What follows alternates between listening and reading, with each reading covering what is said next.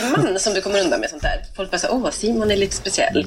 Ja. Tänk om jag skulle hålla på sådär. Jag skulle typ inte ha några jobb. Men jag, jag, tycker ändå att det är lite problematiskt att du att det nästan har byggts en genikult kring din höga eller låga svarsfrekvens. Ja, vadå då? det, det, och det är ditt nya enda argument också. Ja, vadå då?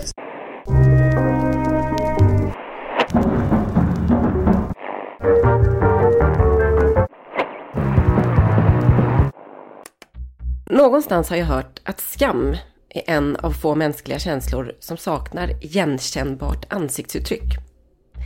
Den arga människan känns igen vart hon än reser i västvärlden. Så också den lyckliga. Men hur känner vi igen den som skäms? Förutom möjligen en bortvänd blick och röda flammor på halsen, som kan tolkas på många sätt, finns det inte så mycket som avslöjar. Kanske är det därför skammen är så svår att nå med ord. Den är för hemlig, för marinerad i generationer av tystnad. Vi börjar veckans eh, Fotboll Radikal med eh, introt faktiskt ur Malin Lindroths eh, fantastiska essäbok Nuckan. Har du läst den Simon Bank? Eh, den finns i hyllan hemma men eh, än så länge oläst av mig. Mm. Men den är bra va? Ja, den är väldigt sorglig och tänkvärd och bra på alla sätt eh, och vis. Man ska inte läsa den om man är lite nere eller har tappat hoppet tror jag på saker och ting. Men eh, jag, hon gör det, är därför jag inte, det är därför jag inte har läst den.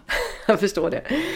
Uh, nej men det, jag tyckte det passade in lite. Det, det pratas ju kanske mer skam än någonsin i samhället. Då har vi, pratar jag inte bara om tv-serien som vi har berört i podden, men också all den här liksom nya skammen för mm. hur man lever i västvärlden och flygskammen och eh, skam är lite grann komma tillbaka som ett sånt där socialt eh, instrument för, för, och det kanske har varit väldigt borta i två, tre generationer i alla fall i, i västvärlden. Ingen, man ska inte skämmas för någonting och, och så, men det är lite som att det är på väg eh, tillbaks. Och jag har tänkt ganska mycket på det den senaste veckan som har gått sedan vi hörde sist och eh, alla de här, eh, just det här att skammen saknar ett ansiktsuttryck.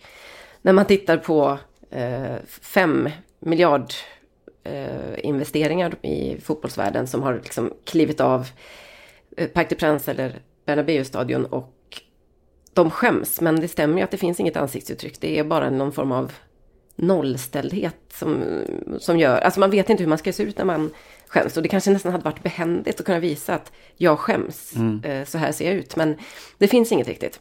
Så istället ser man bara rätt spånig ut och eh, kanske som att eh, ah, han bryr sig inte tillräckligt mycket och så. Just det, nej men skammen är, är ju oerhört, oerhört intressant på det sättet. Jag minns när, vad kan det vara nu, 20 år sedan när det, det debatterades friskt det här med att eh, det kända problemet att, att det kvinnliga könsorganet saknade det fanns inga begrepp som inte liksom var laddade, eh, eller negativt laddade, alltså där killarna har sin snopp eller penis eller, eller kuk eller vad det nu kan vara liksom, så fanns det inget motsvarande. Och, eh, man efterlyste, det var till och med tävlingar tror jag, eh, vad man skulle kalla det där nere, framskärten eh, mm. och, och, så vidare. Eh, och mitt förslag, det, det rimliga eh, och logiska och historiskt grundade förslaget var ju eh, skämsen. Mm det, det, det grep aldrig. Det, flö, det flög faktiskt inte någonstans det förslaget. Jag vet ju att du lanserade det för mig bland annat. Men ja. Eh, jag noterade att det var, du var ganska ensam om att tycka att det var, att det var, att det var bra. Jag försökte bara vara ärlig här. Ja, ja nej, men framförallt är det också viktigt att tala om för kanske tre, fyra, femåriga svenska flickor att deras kropp kommer med ett historiskt bagage. Att de kan inte bara fly undan det. Bara för att de råkat födas så rakt in i en, i en kroppspositiv Stockholms innerstads eh, miljö. Nej, man vill öppna för den historiska diskussion, diskussionen på dagis. Det tyckte jag kändes, mm. Eh, det kändes eh, produktivt på något sätt. Uh. vi, vi, kan väl återvända, jag vill jättegärna återvända till, till fotbolls inte skämsen, jo kanske skämsen också vad det lider, men, men skam, skammen framförallt och de stora grandiosa misslyckandens eh, matcher eh, som vi har sett oss igenom de senaste, senaste veckan. Mm. Eh, men jag vill först börja med att eh, försöka små beskriva dig lite grann. Eh. Johanna. Mm. Eh, kan- Det är en bra utgångspunkt. Ja, vi kan ju presentera oss också. Det är jag som heter Simon Bank och det är du som är Johanna Frändén och eh, vi möts här i podcasten som kallas eh, Fotboll Radikal. Eh, följs också med fördel på det Twitterkonto som är öppnat i vårt namn eh, som heter podcast, eh, podcast Radikal. Mm. Där ni Eh. numera är över tusen att följa oss. Är det så? Det är ju fenomenalt. Ja, det var lite kul tyckte jag. Eh, Men du Johanna är ju utöver att vara en av eh, få kvinnliga medlemmar i Fotboll Radikal så är du också en äcklig kommunist. Du är hjärntvättad, du är smutsig, du är en feminazi, en ekohumanist.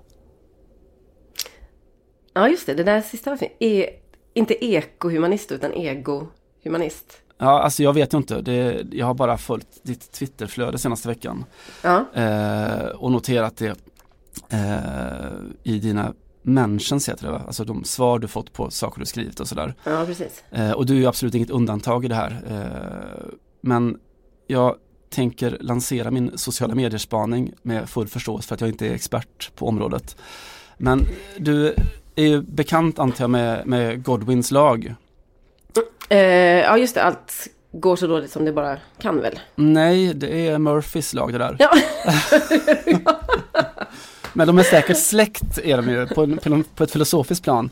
Nej, Godwins lag eh, är eh, Esteghlal i Teheran. Eh, Godwin Mensa spelar ju där. Nej jag skojar nu. Eh, Godwins lag är myntat av eh, en amerikansk jurist i början av 90-talet, eh, Mike Godwin. Som handlar om att alla diskussioner på nätforum kommer eh, definitivt Spåra ur. att spåra ur och till slut så kommer någon använda en, en nazi-referens. Ja, just det. eh, Så, eh, Och det är det enda man inte får va? Man får aldrig säga, ja men kolla på Hitler. Ja, då har du förlorat eh, debatten. Eh, var väl lite av Godwins eh, poäng tror jag. Alltså det är jag vill bara kasta in det så här, vad sjukt det är när du berättar om, du har varit inne och kollat vad jag har fått för kommentarer. Jag bara kollar lite snabbt, vad, vad har jag skrivit? Jag har inte skrivit så mycket, jag har fotbollstwittrat lite och så har jag återgivit typ lite olika medier jag har medverkat i och så har jag skrivit en grej om eh, eh Kristdemokraterna och ganska mycket om PSG. Också typ lite om att internationella kvinnodagen i Frankrike. Och så får man alla de här som du säger. Och det är bara så här. Jag, jag har ju upp, när du säger det så känns det bekant. Men det är bara som, det är bara, det bara liksom vindlar förbi. Det är som Mm. att det, ingenting sätter sig längre. Vilket ju är skönt i och för sig. Men om Ja, du, alltså, det tog ett tag innan jag fattade vad du menar. Jag tänkte att det där skulle kunna vara kanske Karina Bergfeldt liksom, som får, brukar få mycket sånt. Vår gamla kollega som är på SVT nu eller alltså sådär. Det, det, det kändes inte ens som att det var jag. Förstår du? Så, så liksom udda och apart känns det. Jag kände att det var precis du. Eh, Men, Alltså du var ju en bra beskrivning såklart. Ego, Ja. humanist och så. Men jag visste inte, fast jag rimligtvis har sett alla de här. Alltså även om inte jag, ibland får man så mycket kommentarer som man kanske faktiskt liksom eh, till och med vad heter det, scrollar förbi utan att läsa alla. Men, Mm. men rimligtvis har jag läst de flesta av de där och ingen har fastnat liksom. Du förstår. ja, det, det är ett misslyckande för all världens nätkommunikatörer. Ja, men det, jag känner mig själv lite eh, oroväckande blasé över, över hela. Jaha. Men det är ju så, alltså, om Godwins lag uppstod under tidigt 90-tal så kan man ju konstatera att då det, det politiska klimatet har ju så att säga förändrats lite och internet så att säga också ganska mycket. Mm. Eh, det är inte nätforum på det sättet utan det är sociala medier och sånt.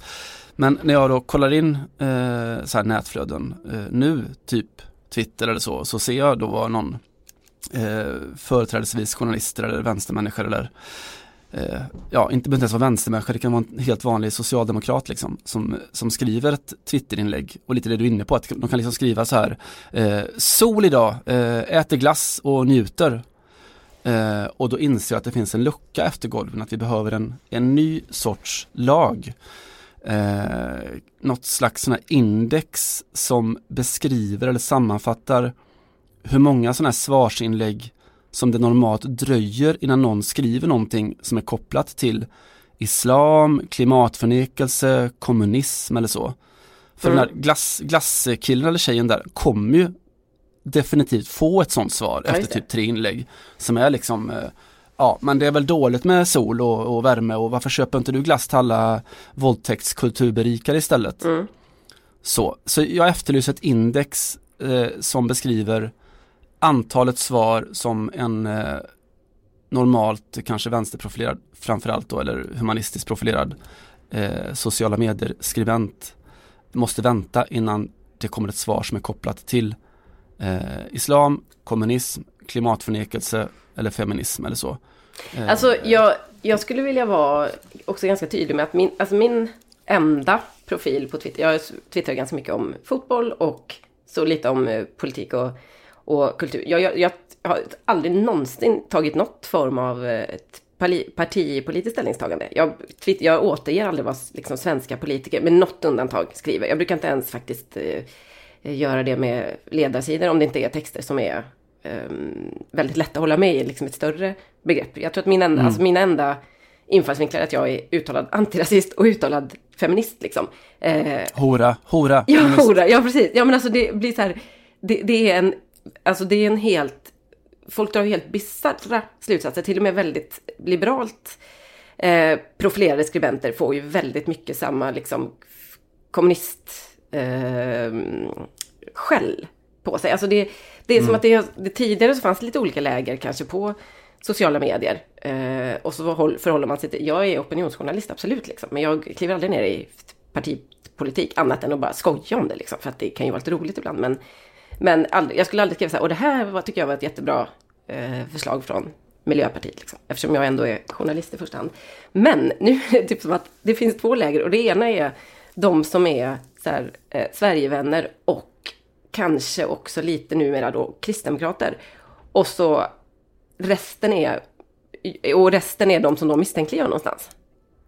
Och vice versa. Ja, det är, ett, alltså det är ett helt nytt landskap efter. Det är som att typ alliansen kraschade och så, och så gick också Twitter sönder i två helt nya mm, block på något sätt. Men eh, kan vi tänka oss, alltså om Goldwyn fick den förra, kan jag få den här? Att det här är Banks lag? Mm. Alla sociala medier-inlägg från ett visst håll kommer eh, förr eller senare och oftast förr eh, att sluta med att någon kallar den andra för kommunist, feminist eller andra invektiv som är kopplade till humanismen. Mm, absolut. Eh, bankslag. Bankslag, ja. Men eh, du, vi måste slå fast hur lång tid det tar. Det känns som att det kanske du, du kanske hade en, en sån eh, ratio på hur många kommentarer ja. det tar innan det kommer. Jag ska säga inte mer än, inte mer än fem oftast. Nej, tre tror jag snittvärdet är. Mm. Eh, och det, har, det, det sjunker. Det sjunker dagligen och stundligen. Eh, och vi kan också efterlysa en högre effektivitet. Det vore ju sådär mer hederligt om det bara kom glassen först och sen så kom det direkt. Du din jävla kommunist.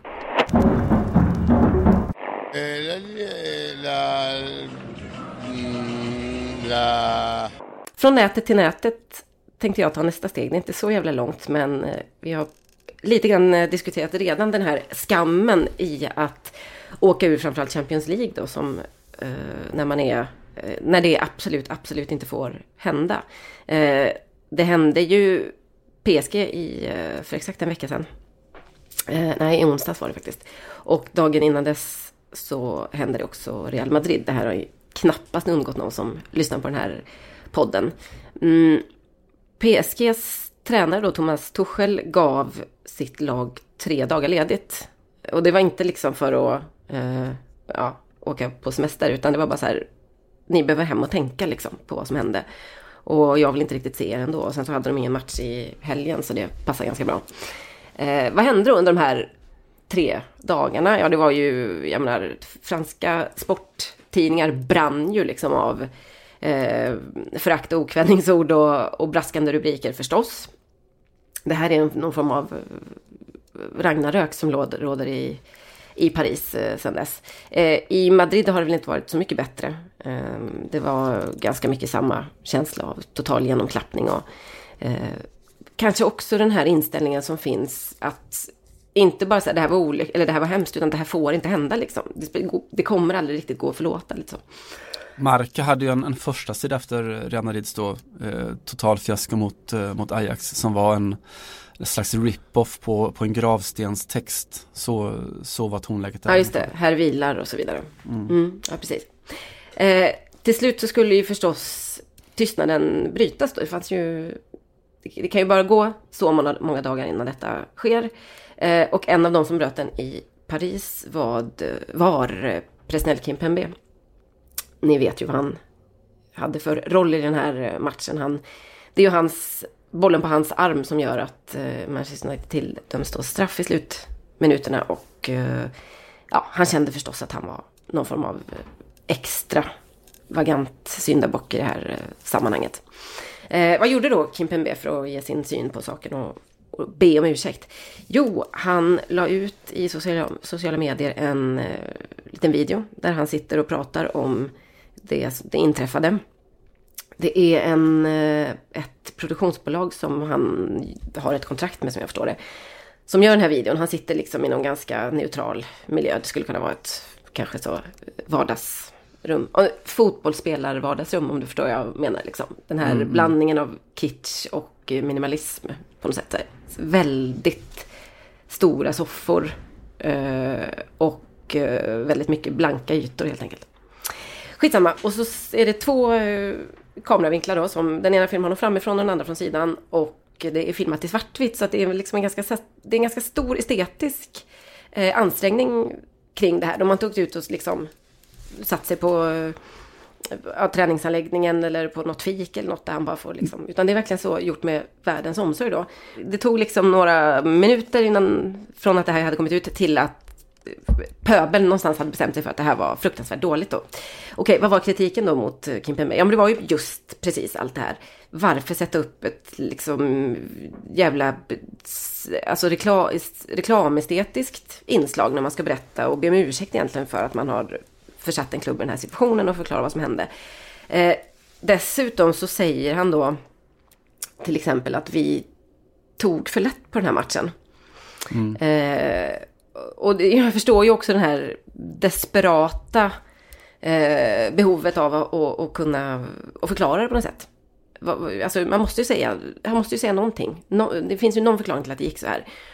Och då säger han då att vi, ja, vi var liksom lite självsäkra och, uh, efter första matchen och vi tog då den här, vi tog lite flätt på match nummer två. Uh, det var ju mest det här som skapade ramaskri, men då blir ju, hela situationen blir ju väldigt eh, lätt att klanka ner på då. Varför sätter du dig inte framför en journalist som får ställa frågor? Varför gör du det här till ett, eh, ett mm. någon form av um, reklamfilmskänsla där det ska vara snyggt paketerat? Eh, hur kan du sitta och säga vi tog för lätt på matchen? Eh, det, det, här fick ju då Thomas Tuchel rädda upp när han hade presskonferens igår eh, var väl det. Och liksom förklara att det, det gjorde vi absolut inte. Jag vet inte var han får det ifrån. För att eh, jag har inte gjort, min analys av matchen är inte klar. Det var, jag kan bara säga att det var en olycka liksom. Men det var, vi tog inte för lätt på den här matchen och så. Eh, nåväl, det som hände i eh, Madrid var ju att Sergio Ramos gick ut och gjorde en, inte en inspelad intervju, men väl en, um, någon form av så här Zlatans app-intervju om du minns. Mm. Att det bara kommer mm. frågor som då Sergio Ramos svarar på på Instagram var det väl. Eh, man vet inte vem som har ställt de här frågorna. Det är ju han själv eller någon i hans närvaro, någon som har hjälpt honom med det här. Men det är absolut inte en, en sitta ner med en journalistsituation. Och så har han ställt ett 10-15-tal frågor som han svarar på. Som är, eh, ja, de är inte obekväma direkt de frågorna. Det är, de är väldigt eh, designade för att han ska få ut precis det han vill säga såklart. Eh, Marka, Marka som inte brukar kanske rasa ändå mot eh, Real Madrid och framförallt inte mot sin kapten. De gick ut och sågade det här och skrev att här har du liksom 15 frågor till som du råkade glömma Sergio Ramos. Varför svarar du inte på de här? Varför kan du inte... Vad, vad, vad är kriterierna för den här intervjun? Är det här ens är det en intervju? Vad vill du liksom? Eh, Sergio Ramos var ju extra olycklig också för honom att han under matchen blev filmad för det, mm. i, av ett, det här teamet som gör en, den här reality showen som han ska lansera helt enkelt. Och då säger han så här, jag blev filmad för att vi, ja, det fanns ett kontrakt på det. Jag hade ju inte en aning, jag kunde inte i min liksom, vildaste fantasi eh, föreställa mig att, vi, att eh, Madrid skulle förlora den här matchen. Och han säger ju också att han ångrar till 200 procent att han drog på sig ett eh, andra gula kort i, så han missade den här matchen. Det är ju den stora polemiken i Spanien och ända sedan det blev uppenbart att han gjorde det medvetet. Mm. Så att, ehm, ja, Ramos blev slaktad också. Eh, frågan är då, kan man göra rätt i de här lägena? För känslan var ju kanske framför allt i, i eh, PSGs fall att det var det var för snabbt liksom. Du kan inte gå ut mm. två dagar efter och säga som Kim Pembe, det här kommer aldrig hända igen eller vi har lärt oss någonting av det här och så. För att eh, supportrarna är, är rosenrasande. Faktum var att eh, PSG fick ju ställa in träning ute på sin träningsanläggning, med, alltså för att de var rädda för sabotage helt enkelt. Mm. Och tränade igår tror jag det var på Parc des Princes, där det går att stänga, men där, där de faktiskt hade, klubben hade bjudit in på ett, eller annat sätt uh, ultras. Så det var ett hundratal av de största supportrarna där. Och uh, spelarna gick fram och försökte liksom, ja, fejsa dem eller vad ska man säga på något sätt, konfrontera mm. eller så. Visa liksom att vi står här och vi hör er och, och så. Men, vi gömmer oss inte. Nej, vi gömmer oss inte precis. Men det var också för tidigt. För att det, det, det enda PSG-supportrar känner är ju liksom avsky och kanske att lite det här att, att de bara borde skämmas, spelarna. Och att man kan faktiskt fortsätta skämmas i en vecka till. Liksom. Man, behöver inte, mm. man behöver inte sy ihop det här och säga att det ska inte hända igen och det blev fel och i något liksom snyggt svartvitt eh, liksom reklamfilmsformat och göra det till och vinna lite poäng på det. Jag vill ju hävda att vi ser, har sett den sista veckan, en, för första gången en rejäl motreaktion på eh, spelares användande av sociala medier. Det har ju kommit från journalister mycket tidigare. Att vi ja. liksom säger att ah, men det, här, det här kan inte ersätta journalistik. För att man får inte ställa de frågor man vill. Eller det blir, man kan, de kan aldrig ifrågasättas och man kan aldrig följa upp någonting och så. Det, här, det är ett, bara ett, ett sätt att få en liten insyn i Cristiano Ronaldos vardag och hans liksom småbarnsår och så. Men det är, ing, det är inget mer än så faktiskt. Men nu ser man ju att faktiskt väldigt många eh, alltså supportrar eller bara fotbollsentusiaster som inte funderar så mycket på sådana här frågor tycker att det här är för dåligt liksom. Och då gjorde ju, den enda som har gjort rätt och det är ju inte så, jävla föga förvånande är ju Kylian Mbappé. Rabiot. Nej, inte, inte Rabiot. Ja, han gick ut och festade på kvällen efter förlusten.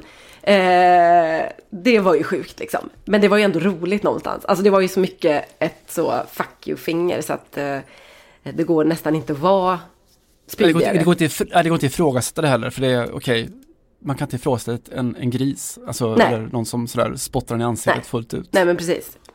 Nej men Kylian Mbappé han tog emot uh, Telefot som är det stora söndags uh, fotbolls... Uh, underhållnings eller fotbollsmagasinet ja, kan man väl säga i Frankrike.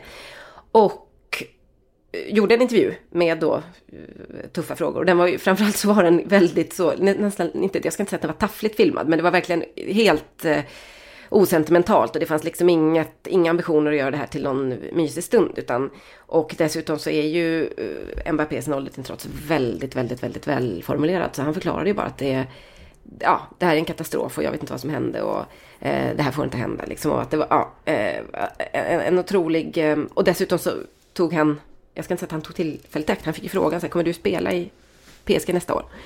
Och då sa han så här, ja, ja, jag kan inte se att det här skulle ändra på något. Faktum är att jag kan lova er att jag kommer göra det. Den här klubben har eh, enorma problem just nu, som, eller vi har det. Och det, det, vad, vad, skulle det hjälpa om jag kastade in ett orosmoment i det här? Jag kommer vara här nästa år liksom. Vi ska resa oss. Eh, det var nog det enda sättet att hantera det här. Och också alltså, någon form av eh, applåd till, eh, återigen till Kylian Mbappé och hans, någon i hans entourage som förstår lite mm. hur man måste göra de här. Alltså man måste lägga sig platt.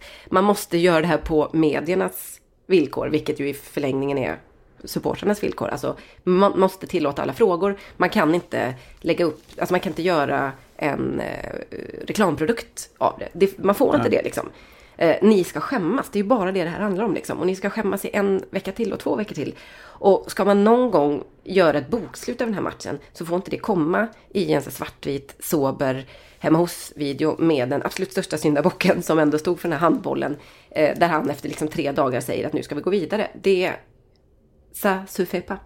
Det, det låter bestäm, sig inte göras. Det, bestäm, det bestämmer inte du, lite den känslan får Ja men exakt, precis. Det här är inte din eh. förlust bara. Alltså det är din förlust och det är din skuld och din skam. Men det här är en, alltså en förlust som har slagit så, alltså till och med eh, Jean-Michel Aulas Lyons eh, president som vi har eh, pratat om till och från i podden. Han var ju nästan, jag ska inte säga att han hade tårar i ögonen, men det var, det var verkligen uppriktigt när han sa att det här är en katastrof för fransk fotboll. Liksom. Ni vet lika mycket som jag att jag alltid legat, han ligger ju alltid i strid mer eller mindre med PSG och deras eh, ekonomiska satsningar och, och, och balansen och sådär. Alltså han har ju verkligen väldigt ofta varit kritisk mot PSG, men han sa ingen mer, vill mer än jag att det skulle gå bra för dem i Champions League. Och det här är en katastrof för fransk fotboll och för hela vårt, efter, eller som hela vårt rykte egentligen. Men alltså, jag tänker ändå två saker kring det här. Det första är eh, att projektet Paris Saint-Germain, som är så många andra av de här projekten, som då är en i grunden, det, det är en reklamprodukt, hela deras nya projekt är en reklamprodukt ju för, för, för en skurk, skurkstat och så vidare. Det är en, en sån kapitalismens stora, den globala kapitalismens stora krona så. Vilket gör att det finns inte kvar några förlåtande drag längre när man inte vinner. För allting handlar om att vinna, allting ja. handlar om att eh, att prestera maximalt, att, eh, att stå på toppen. Gör man inte det så finns det ingenting kvar längre som, som förlåter. Nej. Eh, Nej som det, det, kan ju vara. Du måste ju, om, om, en klubb måste ju vara sympatisk för att man ska kunna förlåta den och det, går, det är ju inte PSG liksom. Nej, exakt så. Exakt så. Eh, och det andra är att det här är ju en total analogi till hur gör man slut på bästa sätt. Och alltså sociala medier människorna då, eller det här softade motljusgrejen, det är ungefär som att man eh, lite sådär, det är, inte, det är inte dig det är fel på, det är mig på, mm. på sms ungefär. Mm. Eh, vilket är, det fungerar inte, det är inte, det är inte upp till dig att formulera det här. Det.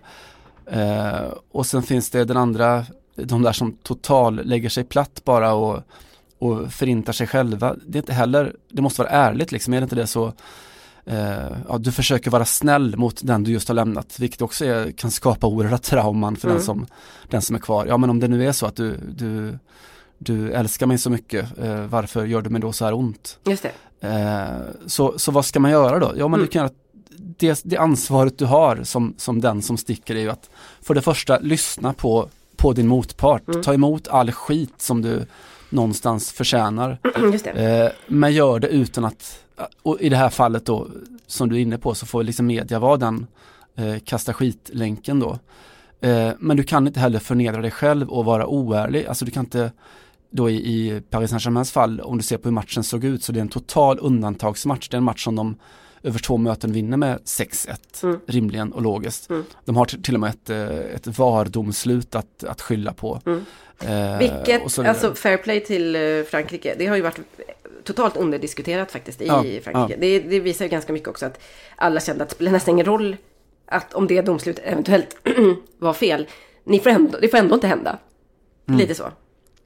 Nej, och sen Frankrike som, som nation, jag tror vi har pratat om det förut i podden, att de älskar sina grandiosa fiaskon och misslyckanden. Mm. De älskar det mer än sina framgångar eftersom ja, de, är, de är mycket intressantare och, och säger mer om, om livet någonstans. Just det. Uh, och pratar man om så här fotbollsfiaskon och kommunikation och så, så jag brukar återkomma till eh, ett svenskt, eh, det som i alla fall då under en veckas tid var ett trauma när, när Sverige spelade 0-0 mot Trinidad Tobago eh, i VM. Trinidad and Tobago have held Sweden. A match to remember these opening stages by 2006. Ja, precis. Och, och, och Lagerbäck efteråt står och pratar om, om hörnor och avslut och att eh, vi, var, vi gjorde faktiskt en ganska bra match. Mm. Eh, vilket du slog tillbaka stenhårt. Det var innan han hade eh. fattat lite hur man ska, alltså att det, det, nu vet han ju exakt, för nu sitter han i tv själv liksom och vet mm. typ hur, hur dramaturgin är. Men där hade mm. han ju fortfarande ingen koll på det. Alltså då, jag tror att han verkligen tyckte så här, men det var inte så farligt, vi gjorde ju en bra match, vi hade bara lite, inga marginaler på vår sida. Nej. Som att det var det som var berättelsen. Ja. ja. exakt. Exakt, han hade helt rätt i det. Hans analys var totalt korrekt. Mm. Sverige, det var en match som Sverige normalt vinner med 2-0. Mm. Eh, enligt alla liksom, eh, sannolikhetskalkyler så mm. var det en match där Sverige spelar en helt okej, okay, inte briljant, men en helt okej okay fotboll, mm. skapar tillräckligt mycket chanser att vinna matchen. Och, det, och, och då är Lagerbäck färdig med sin analys. Mm. Det han borde gjort var naturligtvis att ge uttryck för att vi är precis lika besvikna som ni är. Mm. Vi är mer besvikna än vad ni är med mm. det här resultatet. Mm. Det är ett oerhört svagt resultat. Mm. Men, men vi var faktiskt värda ett bättre resultat mm. än så. Mm. Eh, det, följderna som det här fick då hans eh, eh, jag brukar prata om att han hade en psykopatisk integritet. Vilket ofta var, tycker jag, till hans stora fördel. Men det som det ledde till var ju att, eh, att hans lag hamnade under, under under eld liksom mm. eh, från, från sin publik och från medier som tyckte att sluta för fan räkna hörnor, ni spelar 0-0 mot eh, Trinidad Tobago. Mm. Ut och spring och ut och, och kravla i stoftet, mm. era jävlar liksom. Mm. Ja precis, men är det inte också lite, eh, var du klar förresten? Jag är alltid klar. Ja, eh, jag gjorde ju analysen att jag stod för ungefär 85 procent av allt prat i förra veckan. Så att eh, vi ska försöka inte upprepa det den här gången. Men jag tror att det är eh, viktigt att prata om eh, hur man gör när man förlorar idag. För att eh, för kanske 15-20 år sedan så kunde, och i allsvenskan eller vad det vill, mindre ligor, så har man ju faktiskt i princip ansiktskontakt med publiken efter en match. Alltså det, det är inte så om...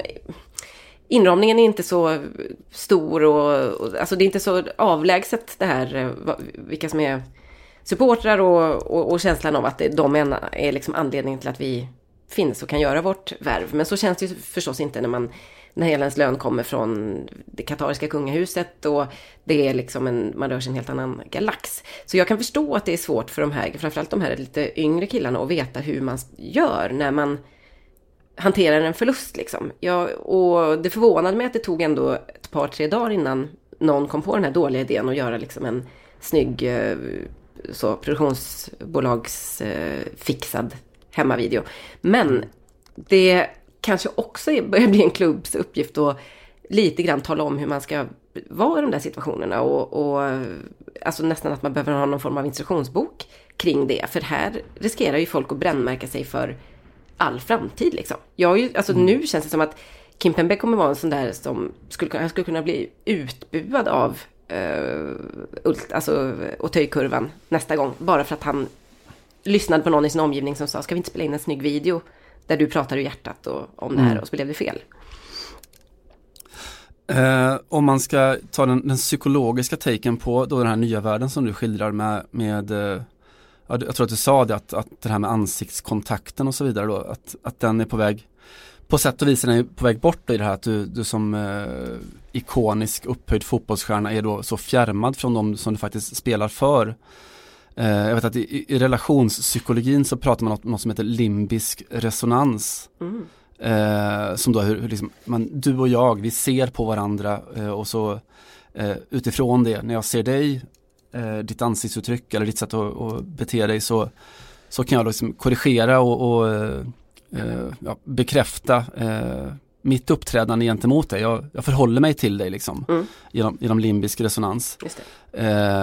och man kan ju, om man hårdrar det, hävda att den limbiska resonansen eh, i den nya fotbollsvärlden är på väg bort. Mm. Att man ser inte varandras ansikten längre. Som, som spelare så ser du inte de som, de som följer och lever för dig. Nej, eh, och alltså glömmer du bort hur du ska bete dig.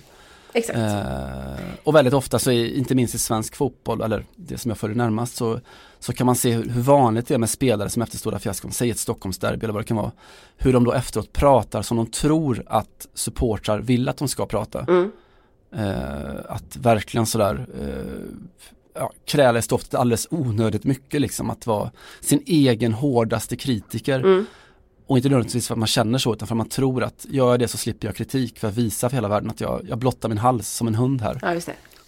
Ja just det. Men precis, och det var väl ganska smart av PSG i alla fall att lägga den här träningen på Parc des Princes igår och bjuda in 100 ultras. För att det blir också så här, de hade, det hade ju varit mycket mer deras så här, karaktäristiskt för PSG att bjuda in kanske hundra eh, turister från typ Japan.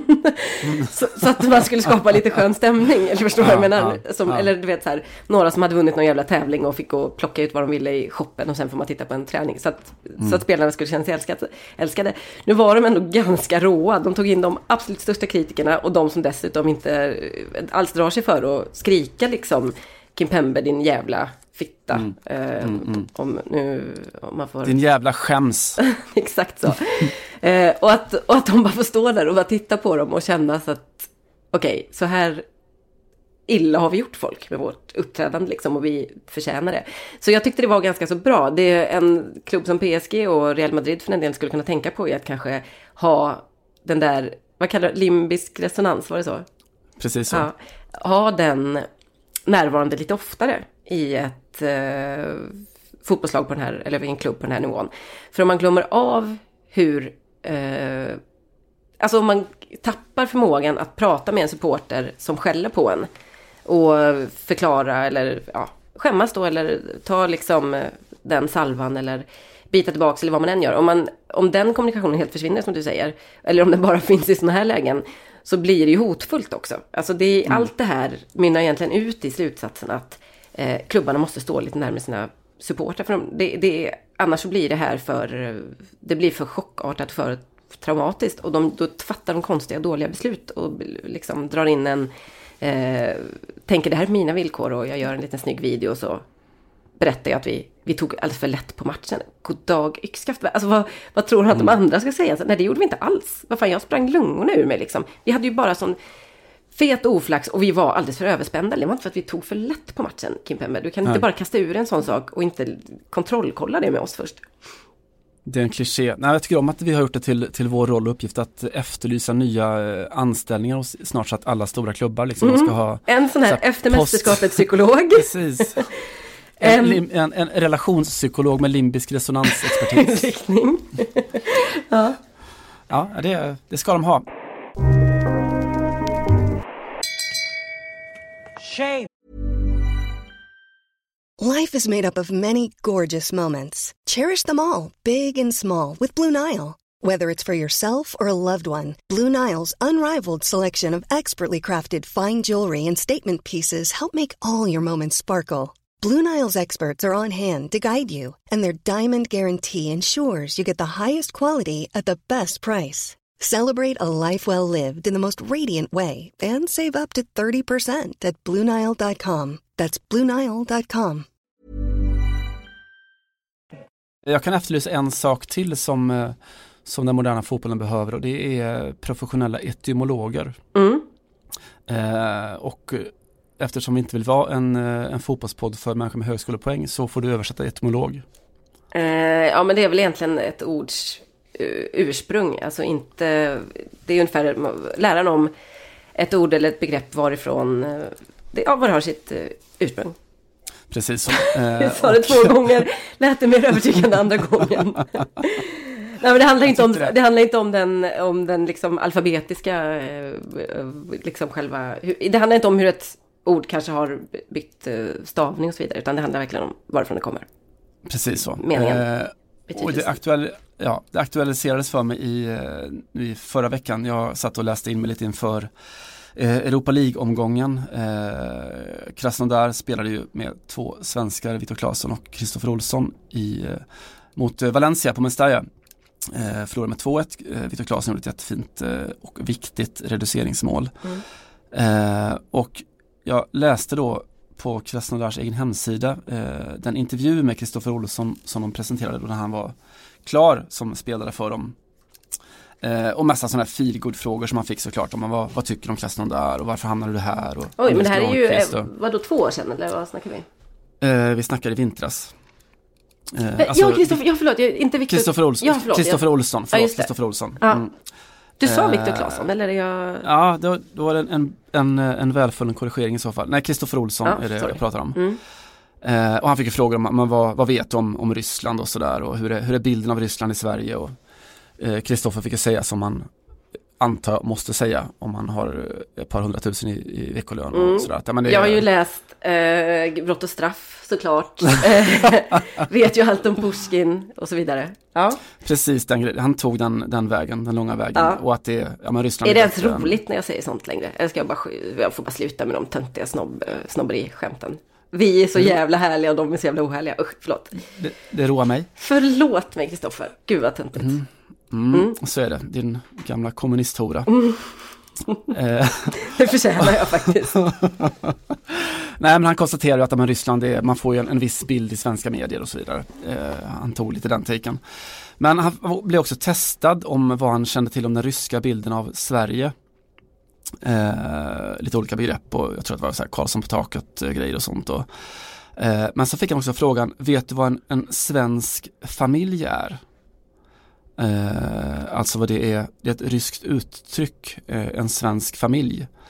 Eh, och det visste han ju inte. Eh, och då bollade jag frågan vidare till etymolog Johanna Frändén. Vad en, en svensk familj är för något på ryska? Nej, alltså om det hade varit ett helt modernt uttryck så, som liksom har fått fötter nu de sista två, tre åren så skulle det ju kunna vara något så här eh, hbtq-helvete liksom, alltså alla Putin. Att det skulle mm. vara liksom alla normers upplösning och sånt där. Men är det lite äldre, är det liksom ett fast, alltså vad ska man säga, ett eh, lite äldre uttryck kanske som är... Det har eh, 40 år på nacken Ja. drygt, alltså 70-talet ungefär. Okej. Ja... Nej, ja, nej. Men du, men du är ändå rätt på det. är det Eh, sant? Det här är eh, på sätt och vis före hbtq-helvetet men, men eh, det är under, mitt under den svenska syndens heydays. Mm, Eh, så det är alltså när ryssar pratar om den svenska familjen så syftar de på ett någon slags trekantsförhållande. Oj, det som vi då, kanske använder franska för och... Precis. Mm, intressant. Menage à trois. Mm. Eh, oftast då såklart två kvinnor och en man som lever ihop under familjeliknande förhållanden. Mhm. Eh, Den frågan fick han. den frågan fick han. Fan, äntligen ett klubborgan man kan liksom respektera lite grann. Vilken jävla bra fråga att ställa. Alltså visst är den briljant. Ja, den är helt den. fantastisk. Eh, jag älskar den också för att den eh, bär ju med sig en hel del andra frågor. Ja, till exempel, kan du, Kristoffer, kan du resonera lite kring begreppet den svenska synden? Varsågod. Allt det där. Mm. Eh, Lena Nyman, vad sägs? Mm, exakt. Eh, men man vill ju också eh, benämna eller mynta eh, lite andra nationella familjer kan jag känna. Mm. Eh, jag börjar så får du fritt spåna vidare om annan faller på. Mhm. Jag tänker Balkanfamiljen. Eh, Ska jag fylla det med innehåll eller nej? Det. Ah, jag, jag kan, jag kan fylla, fylla själv så får du Ja. vidareutveckla. Ja. En Balkanfamilj eh, tänker jag mig som en där sonen kallar pappa för mammaknullare. Mm. Eh, do, dottern nitar mamman och mamman avsäger sig bekantskapen med sonen och sonen hävdar att syrrans rum är hans rum. Mm. Eh, den australiensiska familjen, Ja. mamma, pappa, barbecue. Den norska familjen, mamma, pappa, Nora, Isak, russebuss och vallateam. ja, just det. Eh, ryska familjen, oligark, fotomodell, tre ungar, 50 Picasso-målningar och en epodoktor. Och en, något jävligt exotiskt djur i, som går fritt i trädgården. En sabeltandad sibirisk tiger. Exakt. Eh, franska familjen är ju, ja, ni är sig själv, pappa, mamma, tonårig studentälskarinna. Mm. Och den tyska familjen, mamma, pappa, Polen. Too soon på den eller? Eh, nah. Det, alltså, vad är det, 75 år sedan så det kanske går bra. Godwins lag på den då.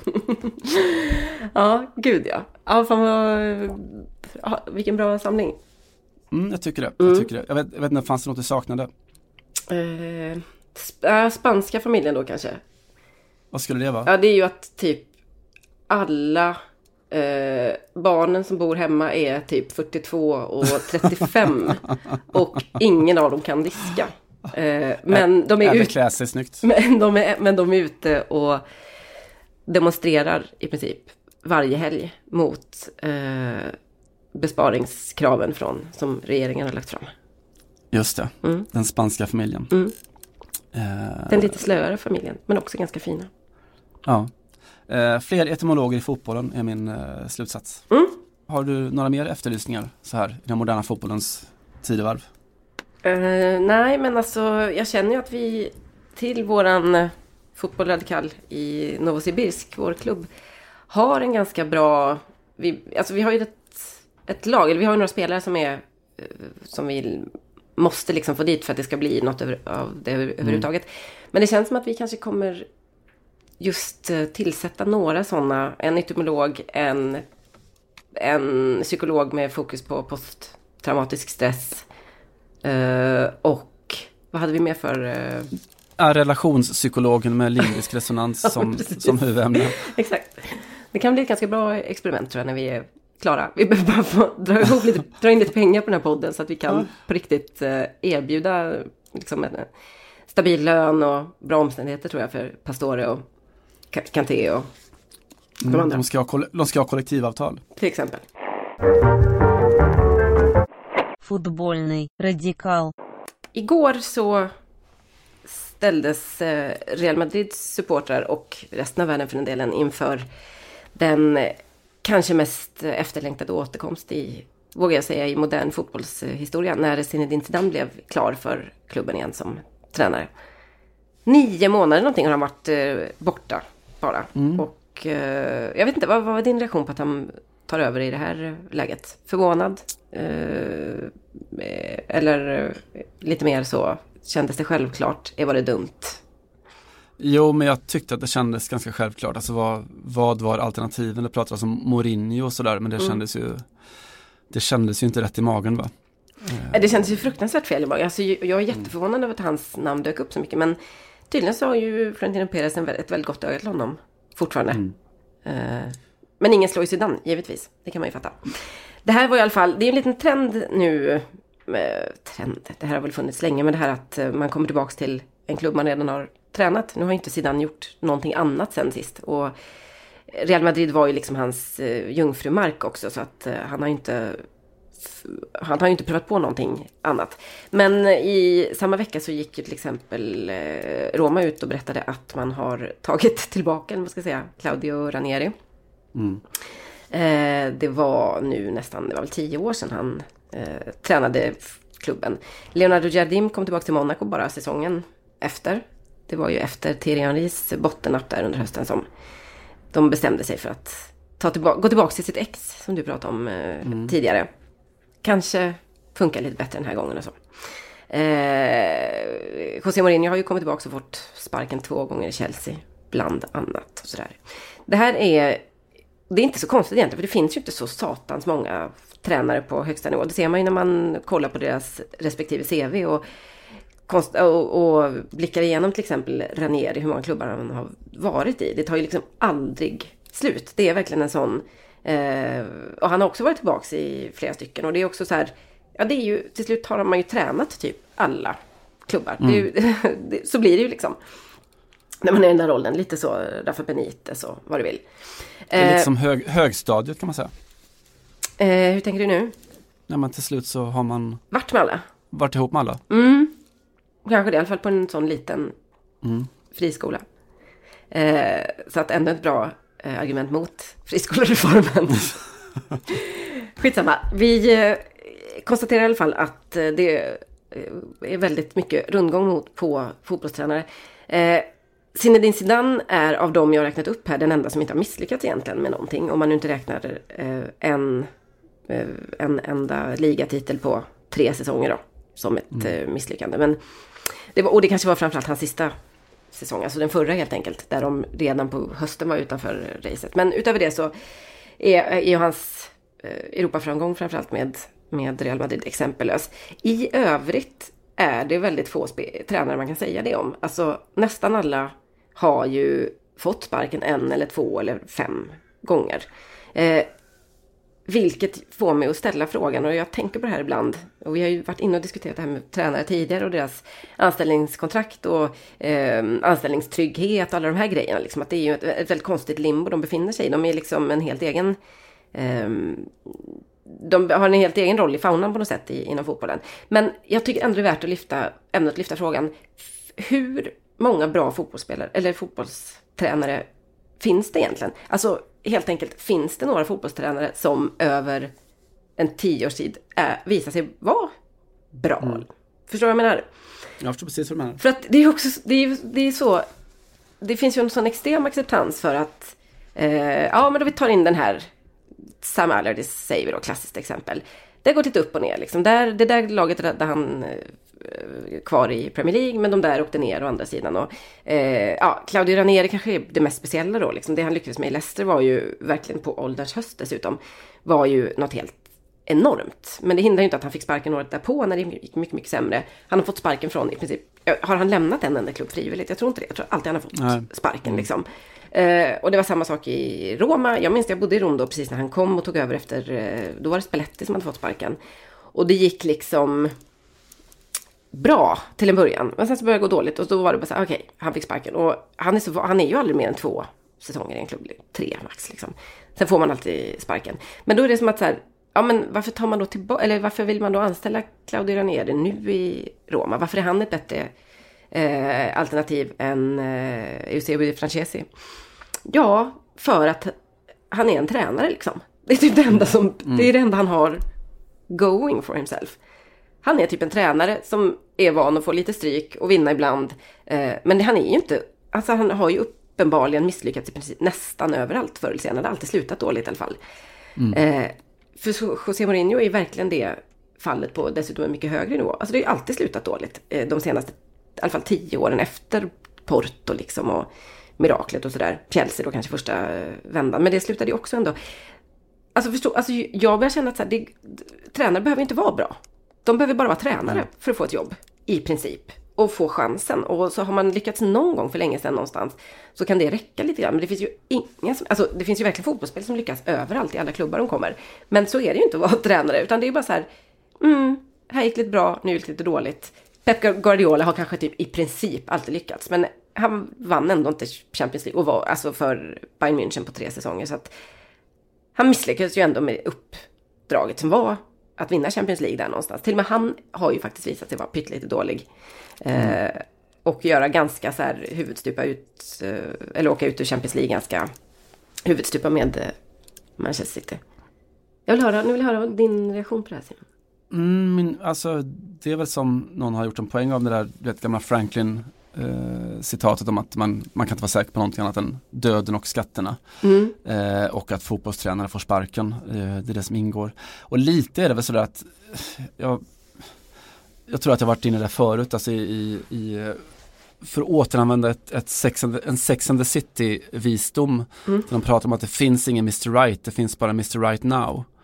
Eh, och att det faktiskt är så att, att klubbar, det, om man tittar på liksom den högsta, högsta nivån med tränare så då är det klart att alla är duktiga men att det finns inte rätt och fel tränare utan det finns rätt och fel tränare i olika situationer. Att den som är väldigt bra i en klubb kan vara katastrof i nästa och tvärtom. Eh, på samma sätt så kan ju en tränare, en säsong i en klubb vara helt rätt tränare. Sen nästa säsong så händer någonting nytt som ställer helt andra krav och då kan han vara helt fel tränare. Mm. Ja men så, så, är det ju och det är ju alltid liksom försvar, eller förklaringen eller vad man ska säga till det här. Men då man kunde jag... inte hantera den nya situationen liksom. Nej, men då kan man, precis, men då måste ju också anpassning börja vägas in då som en egenskap hos en bra tränare. Exakt, precis. Alltså, alltså... Om, om, man bara klarar av att vinna eh, Champions League med, när exakt alla stjärnor står rätt och man får precis de spelare man vill. Är man en bra tränare då liksom? Då, jag undrar mm. ändå det. Ja men lite alltså det finns ju två stycken eh, motsatta kvaliteter som, som båda kan funka. Där den ena är då just att du ska kunna vara den som är totalt anpasslig eh, med kanske Gus Hiddink som lyftes fram som det när han eh, kom till Ryssland eller till Sydkorea och, eller Australien och att det första han gjorde var att sätta sig in i hur fungerar det här landet egentligen, vilka utmaningar finns just, ja men okej, Sydkorea, de har den här mentaliteten i det här landet, den här spelargruppen. Eh, vad kan vi göra med dem? Jo, vi kan göra dem så att de springer mest av hela världen för det, det kommer funka liksom. Eh, och så kommer du till Ryssland och inser att du måste utmana spelarna för att de är fast i ett, ett ryskt tankesystem en tankebubbla. Eh, I Australien så har du eh, någon slags hopkok av någon eh, Balkan-engelsk eh, sådär eh, ett arv, tankearv liksom. Vad, vad, gör vi med det på australiensisk mark? Mm. Och han klarade, klarade av det nästan alla nya miljöer för att han, han lärde sig förstå den nya miljön och sen så agerade han därifrån. Eh, anpassningscoachen. Eh, och mm. den andra är väl den som inte behöver funka men som alltid är ungefär samma. Och då kanske jag inte menar främst fotbollsideologiskt. Alltså Real Madrid har varit experter på att plocka vanliga feelgood-tränare. Jag säger inte att Zidane är en sån, men på sätt och vis tror jag att han är det. Att han är, hans kvalitet att han är Zinedine Zidane, att han förstår exakt vad det betyder att vara fotbollsspelare på den nivån, mm. i den klubben. Mm. Eh, och sen såklart är han en duktig fotbollstränare i grunden också, men att det är kanske hans främsta kvalitet. Carlo Ancelotti, eh, som jag pratade om förut, den så här boende diplomaten som inställd till besvär, som är älskad, omtyckt av alla och på jobbet gick det faktiskt ganska bra också. Han, är liksom ingen, han kan också typ anpassa sig efter vilken spelstil som helst. Och ja, men, vilken oligark eller typ så här galen uh, mm. italiensk miljardär som helst. Ja, men har en fast, eh, en fast punkt i sin personlighet. Mm. Eh, Mourinho är väl motsatsen där som är raderande charmant när han kunde slå underifrån och sen så hamnar han i en situation där han inte kan göra det eh, när han är med lag som ska föra matcher eller en miljö där det förväntas att du, du står på toppen av världen och då, då är, blir han bara en, en sorts Gollum eh, regredierande personlighet som bara blir ocharmig, osympatisk och, och mobbig i sin, sin karaktär. Mm. Jag köper allt det Jag tycker fortfarande att det är konstigt att man inte oftare lyfter det faktum att det är väldigt få tränare som är eh, just anpassningsbara som du säger. Eller som hyllas för att de kan eh, ta väldigt olika lag i väldigt olika situationer Mm. eh, långt. För att det, det hade varit krav, alltså du finns ju aldrig, alltså du kan ju aldrig som eh, företagsledare landa ett toppjobb i Sverige eller USA om du har, om du har lett 15 företag innan och hälften har gått i konkurs men hälften har gått bra. Alltså det, du hade aldrig ens det hade tagit kanske tio år att ens komma tillbaks efter en konkurs om du förstår vad jag menar. För att det typ är eh, dåligt, eller i alla fall du fick sparken från hälften av dem. Att man ändå då skulle tillhöra, det är det som är så konstigt. Att man typ så här har fått sparken tre gånger på tio år säger vi från eh, sin arbetsgivare och ändå får träna eh, Chelsea säger vi eller eh, ja, inte vet jag vilken stor klubb som helst utom kanske möjligen eh, Real Madrid då. Men, men till och med där.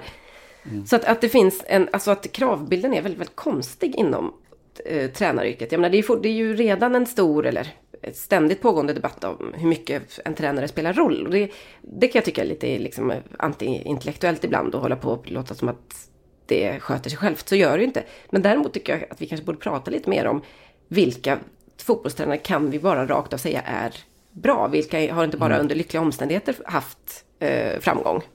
Mm. Och det, det går ju så oerhört snabbt nu också. Så ta en, en Emery i Arsenal eller Sarri i Chelsea som, som är bäst i världen i två månader när de går liksom 20 matcher utan att förlora. Mm. Och sen ett halvår senare så är det, de måste bort liksom. Mm.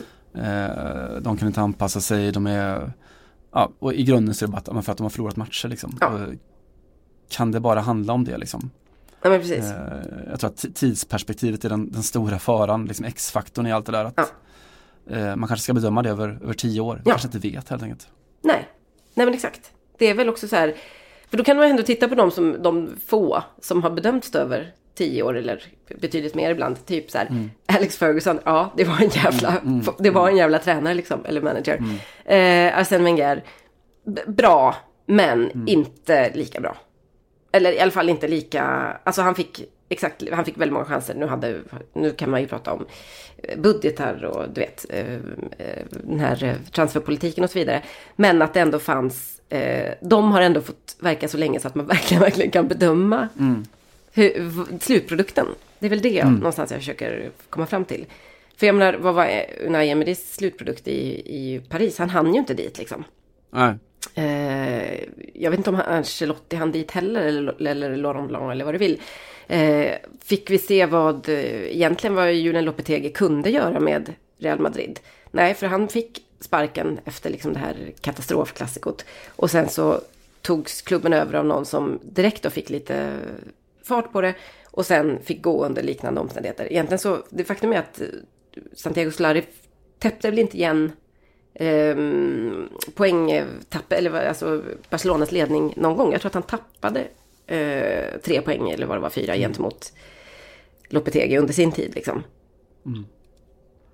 Jag vet inte, Ja. jag, jag tycker det känns så, det, det känns så jävla hipp som happ vem som får jobb var. Och det känns som att ingen annanstans hade man kunnat få, nå så höga poster om man hade haft eh, så mycket liksom, dåliga erfarenheter bakom sig. Eller man fått sparken så många gånger. Det är bara i toppfotbollen som det inte är riktigt en besvärande faktor nästan. Ja, ungefär så och eh, jag vet inte. Eh, nej men jag vet inte vad, vad motsvar, motsvarigheten till att bli landshövding är i fotbollsvärlden heller. För det blir man väl inom politiken i Sverige. Exakt. Eh, Ja men det är ju att ta över ett afrikanskt landslag. Ja just det. Ju. Bli en eh, vit trollkarl.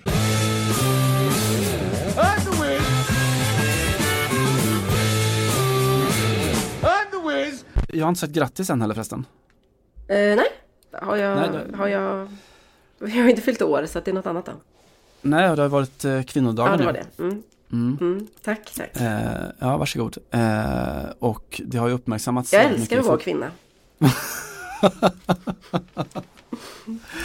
Eh, well, don't we all. Mm. Jag, jag säger som, eh, eh, som Johnny Weir, den amerikanska konståkaren sa när han, han stod och instruerade en, en, någon ung talangfull konståkartjej på så här 13 år som misslyckades med något hopp eller sådär och ramlade och blev väldigt ledsen och grät och så och då, då sa Johnny till henne att Oh, it's alright, you, you're a big girl. I was a big girl once too. Finaste. Så, eh, ja verkligen, eller Mor- Morrissey när han fick frågan om Tattoos cover.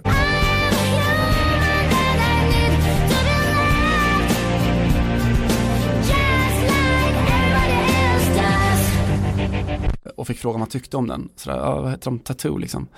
Eh, jo, eh, de var nog bra sådär. Eh, well, they're a, a pair of uh, teenage Russian lesbians you know. Eh, well, aren't we all, Mhm. sa Morrissey. Eh, den ryska familjen. Jo, men det. det. som eh, i fotbollsvärlden eh, i samband med kvinnodagen så uppmärksammades ju väldigt mycket att svenska landslaget då eh, tog tillfället i akt att i samarbete med sin direktsponsor Adidas då hylla kvinnliga förebilder på matchtröjorna. De vävde väl in eller tryckte eh, sådana foton i, i sina tröjnummer tror jag. Eh, Hedvig Lindahl, eh, målvaktsstjärnan, berättade om sina förebilder en sån här stor eh, fin intervju med eh, Erik Niva, vår kollega. Eh, och sen så listar man då alla de här kvinnliga ikonerna som landslaget valt ut i någon slags eh, gruppsamtal. Mm. Eh, och sådär. Och det var ungefär man kan vänta sig. Det var ett, ett gäng fotbollsspelare, det var feminister, artister och Mischa Coleman och Sara Sjöström också, vilket gjorde mig, mitt simmarhjärta extra glatt. Mhm. Eh, USA gjorde ju precis samma sak. Eh, lite udda, det var ju det är Nike som är deras direktsponsor. Mm. Men eh, de gjorde precis samma sak. Eh, och där så firade de dessutom den här Women's History Month i mars. Eh, jag vet inte om vi gör det i Sverige på samma sätt. Eh, nej, det gör vi väl absolut inte. Men det är ett litet inpass där. Det är intressant här med vad man kallar, vi, kallar, vi säger ju internationella kvinnodagen. I Frankrike så kallar man den eh, dagen för kvinnors rättigheter. Och Mm. i Spanien kallar man det alla arbetandes kvinnors dag. Mm. Ja, så att eh, det skiljer för sig faktiskt lite beroende på alla, alla inte in, infattas inte i den här härliga svenska kvinnodagen i, i resten av världen utan ibland är det bara de som har jobb till exempel. Eller som har Hette, valt, den, hette den samma sak under Franco-eran? eh, det är väl ytterst tveksamt. El Día de la Mujer Trabajadora, jag tror att det är exakt så den heter. Ja, nåväl, det. Ja, de amerikanska spelarna valde ju ungefär enligt samma kategorimönster. Det var Serena Williams och Jennifer Lawrence, J.K. Rowling, Malala, Beyoncé, men sådär. Mm. Eh, det som stack ut lite var såklart eh, poddfavoriten eh, Megan Rapinoe som valde Audre Lorde. Mhm. Eh, en sån här människorättsaktivist, lesbisk feminist och poet, författare som eh, då manifesterade mot rasförtrycket i USA på 60 och 70-talet. Mm. Eh, och när jag skulle förklara varför så sa hon att eh, Audre Lorde was eh, totally herself. She was so beautiful, she so beautifully and powerfully expressed all parts of herself and her experiences at once. She was a woman, a lesbian, a feminist, a person of color, a civil rights activist and a poet. She understood so clearly that change does not come from playing by the existing set of rules. Eh, Megan Rapinoe eh, Mm. kan Ja, förlåt, det, saker. det var inte prästen eller Kimpembe, nej. Inte så mycket. Eh, men det blir ju lite sådär speciellt också eh, i den här i grunden liksom kapitalistiska feminismen som vi ser lite överallt nu idag. Att det, eh, det är ändå stora internationella varumärken som driver på i feministiska kampanjer. Mm. Eh, Nike är ju bäst av alla i hela världen på, på att göra sådana här eh, feministiska reklamfilmer. Just det. Eh, Politiska som överhuvudtaget väl? Antirasistiska Verkligen, och verkligen. där, ja. mm. Kaepernick och, Mm. och så vidare. Eh, och de gör det liksom då samtidigt som det finns kvinnor som, som svimmar i, i deras eh, fabriker i Kambodja och sådär. Mm. Eh, men det är inte min poäng. Men de kanske också svimmar över att de här eh, filmerna är så jävla bra. Och de känner sig så tilltalade av dem. Har du tänkt på det?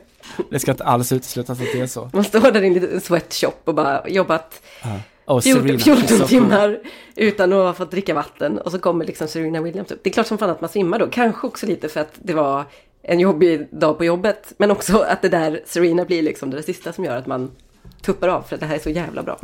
Det ska inte alls uteslutas. Eh, USA har ju också fått upp- uppmärksamhet för att de har ju stämt sitt förbund för diskriminering. Så de, de är ju väldigt så här politiskt, eh, politiska aktivister i princip och varit väldigt delaktiga i hela eh, hbtq-kampen för framgångar på det området i USA. Mm.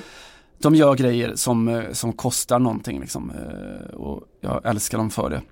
Men jag tänkte också lyfta en, en annan lite mindre uppmärksammad historia i alla fall från vår horisont. Med det colombianska eh, fotbollslandslaget, damerna. Mm. Eh, jag, vet, jag vet inte om du har följt det någonting? Nej. Eh, två av deras stjärnor, Melissa Ortiz och Isabella Echeverri, som eh, då långt tidigare än det här har berättat om hur förbundet i Colombia hanterar eh, sitt damlandslag. Och de är rätt så bra liksom, de rankas typ 26 i världen, jag kollade senast. Mm. Eh, näst bäst av alla sydamerikanska lag efter Brasilien då. Eh, och det som förbundet har gjort är att de har dragit in deras traktamenten eh, under landslagsspel då. Ungefär 200 spänn om dagen fick de förut men det har förbundet inte råd med längre. Oj. Mm. Eh, de betalar inte heller när utlandsproffsen då, bland annat Ortiz och Echeverri, när de ska resa hem till landskamper utan de får flyga eh, betala sina biljetter helt enkelt. Gud. Och de har ingen heltidsanställd förbundskapten utan tar in konsulter typ för mästerskap och sånt. Eh, Det, borde, deras det är ju här är egentligen slutresur, mitt slutresonemang på det här. Finns det några bra fotbollstränare? Alla borde bara ta Mm. in en konsult när det drar ihop sig. Så skulle vi få exakt samma resultat. Än någon och, en, och, en, och en relationspsykolog. ja, exakt.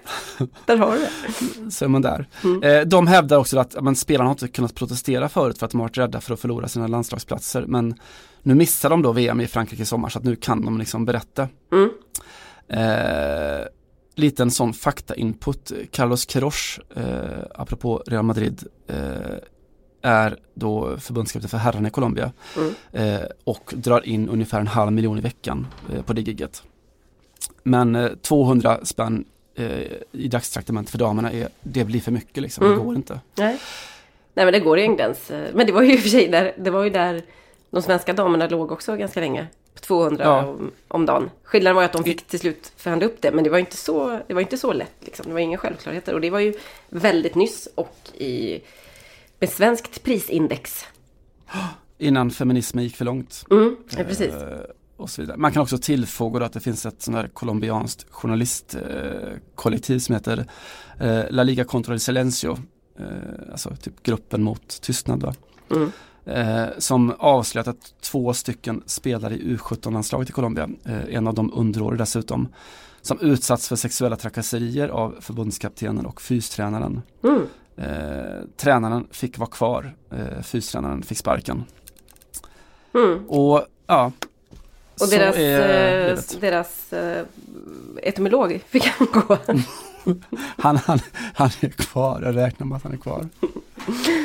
Eh, men det som är lite sådär hoppingivande i allt det här är ju att eh, de har då fått ganska mycket stöd också och eh, i förra veckan så la James Rodriguez ut ett eh, pressmeddelande på Twitter och Mhm. alla här landslagsspelares vägnar eh, med anledning av allt som hänt kring eh, damernas och flickornas landslag och skrev då i fyra punkter att vi tar avstånd från och fördömer alla handlingar som kränker en kvinna fysiskt, mentalt eller emotionellt.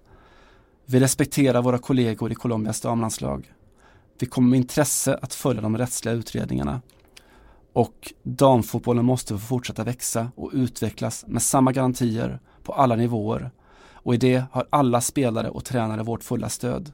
Med vänlig hälsning, alla spelare i Colombias herrlandslag. Fy fan vad fint. Visst är det? Alltså det där, det där liksom... Det där ursäktar ju allt annat liksom. Ja, de får göra precis vad de vill känner jag i sin eh, vardag och i sin eh, sjuka liksom klubblagsbubbla. Om de kan spotta ur sig sånt där när det verkligen brinner till. Ja, och det, är, det blir ju så oerhört eftersom man vet hur det eh, hur normalfallet brukar se ut. Den totala kompakta La Liga del Silencio eh, Mm. som nästan alla herrspelare ofta, ofta ingår i. Mm. Det kostar ju väldigt lite men eh, betyder nog väldigt mycket.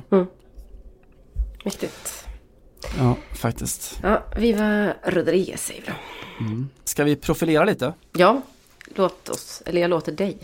Mm, jag tänker vara ganska prosaisk och enkel den här veckan och inte lyfta fram någon stor politisk förebild eller så utan lyfta fram en av mina stora fotbollsfavoriter eh, från den här hyllan. Jag trodde att det skulle bli allt men det blev ganska lite. Eh, vad är det det heter i sången att eh, man drömmer om Paris men hamnar på något vis lik förbannat i Hudiksvall. Agor Mehmeti hamnar inte i Hudiksvall, han hamnat i Örebro. Mm. Eh, jag har alltid varit oerhört förtjust, eller alltid, jag har inte sett honom på fem år, ingen annan som gjort heller. Men när han eh, fick sitt genombrott i Malmö FF tyckte jag att jag, jag såg någon slags svensk Klinsman där som skulle kunna bli något riktigt stort. Men eh, usla karriärsval och nu är han i ÖSK. Jag hoppas på honom och vill återberätta Eh, en liten anekdot från en, annan tid med Agon. Eh, när han gick från Palermo och hamnade i Novara i Serie B.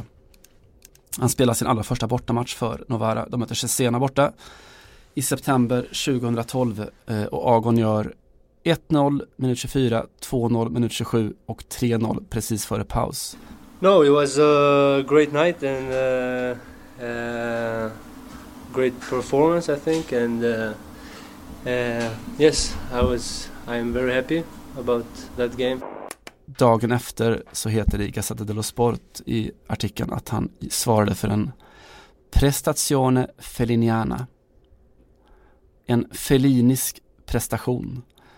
Eh, och vi kallar in vår etymolog som då förtydligar att det här handlar om alltså att dra en referens till Federico Fellinis filmer, hans filmuniversum. Eh, det var alltså en prestation, en insats som var något groteskt och sagolikt ungefär. Jag trodde jag var etymologen. vi kallar in vår etymolog och så ska jag förklara. Eh, ja, nej, skoja. Jag minns faktiskt när detta skedde att jag fick ett eh, sms från dig som var lite så här nästan chockskadat över vilken fantastisk formulering du hade sprungit på i Gazettan. Det var nästan du bara så här, lyssna, lyssna, lyssna. Ah. Ja, just ja. det. Innan du korrigerade mig med en viss limbisk resonans. tillbaka till, till verkligheten igen. Ja, exakt så.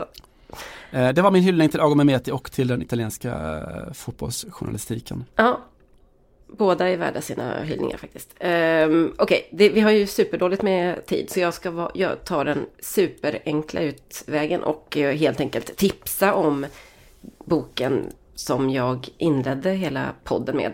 Den heter alltså Nuckan, den kom förra året och eh, blev en av de mest eh, omtalade får man väl säga och omskrivna eh, essä, idédebattböckerna om vad det handlar om att vara kvinna och överbliven helt enkelt. Eh, den där som aldrig lyckas eh, mala in sig i eh, den eh, förväntade eftertraktade kvinnorollen då. Man får ingen, man är ensam, man är utanför, man är en nucka. Eh, den är eh, sorglig och välskriven och eh, insiktsfull tycker jag. Malin Lindroth. Jag tror att det är, jag gissar att 95% av alla som har läst den här boken i Sverige är kvinnor. Kanske till och med lite mer. Det är typ de, nästan inga män som ens recenserar den. Och det här blir ett sånt klassiskt fall av att man känner att det här är en kvinnlig erfarenhet. Eh, och det är det, men det är också en eh, mycket bra bok och många bra tankar att ta till sig även om man är man och lyssnar på Fotboll Radikal till exempel. Just det. Mm. Nuckan. Just det, inte alla män. inte alla män. Och inte, precis, och inte alla kvinnor heller. Tyvärr. Just det. Eh, och så lite musik på det. Mm. Eh, och eh, i linje med veckans tema kanske då. Eh, så tänker jag spela Milk. Eh, och hennes, alltså hon är från en eh, LA-artist. Som skrev en låt som heter Quiet som blev någon slags temasång för Women's March i Washington eh, häromåret. Mm -hmm. eh, och ja, den har sina ostiga kvaliteter men är också oerhört, oerhört stark och blev en enormt stor hit i, i ja, en feminist, feministisk anthem helt enkelt i USA och spreds väl lite över världen också. Men jag tror inte att de var lika uppmärksammade i Sverige. Eh, och innan jag låter eh, dig Johanna välja om vi ska köra a cappella-versionen som de då framförde under eh, demonstrationen eller den mer organiserade, producerade skivaversionen eh, så ska jag läsa lite vad det är hon sjunger egentligen. Mm. Hon sjunger Put on your face, know your place, shut up and smile, don't spread your legs. I could do that. But no one knows me, no one ever will. If I don't say something, if I just lie still. Would I be that monster, scare them all away? If I let them hear what I have to say?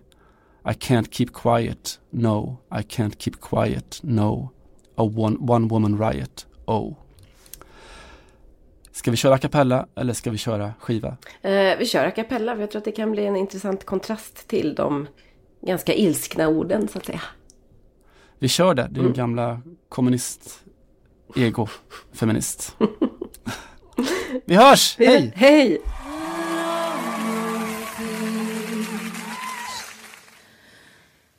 Know.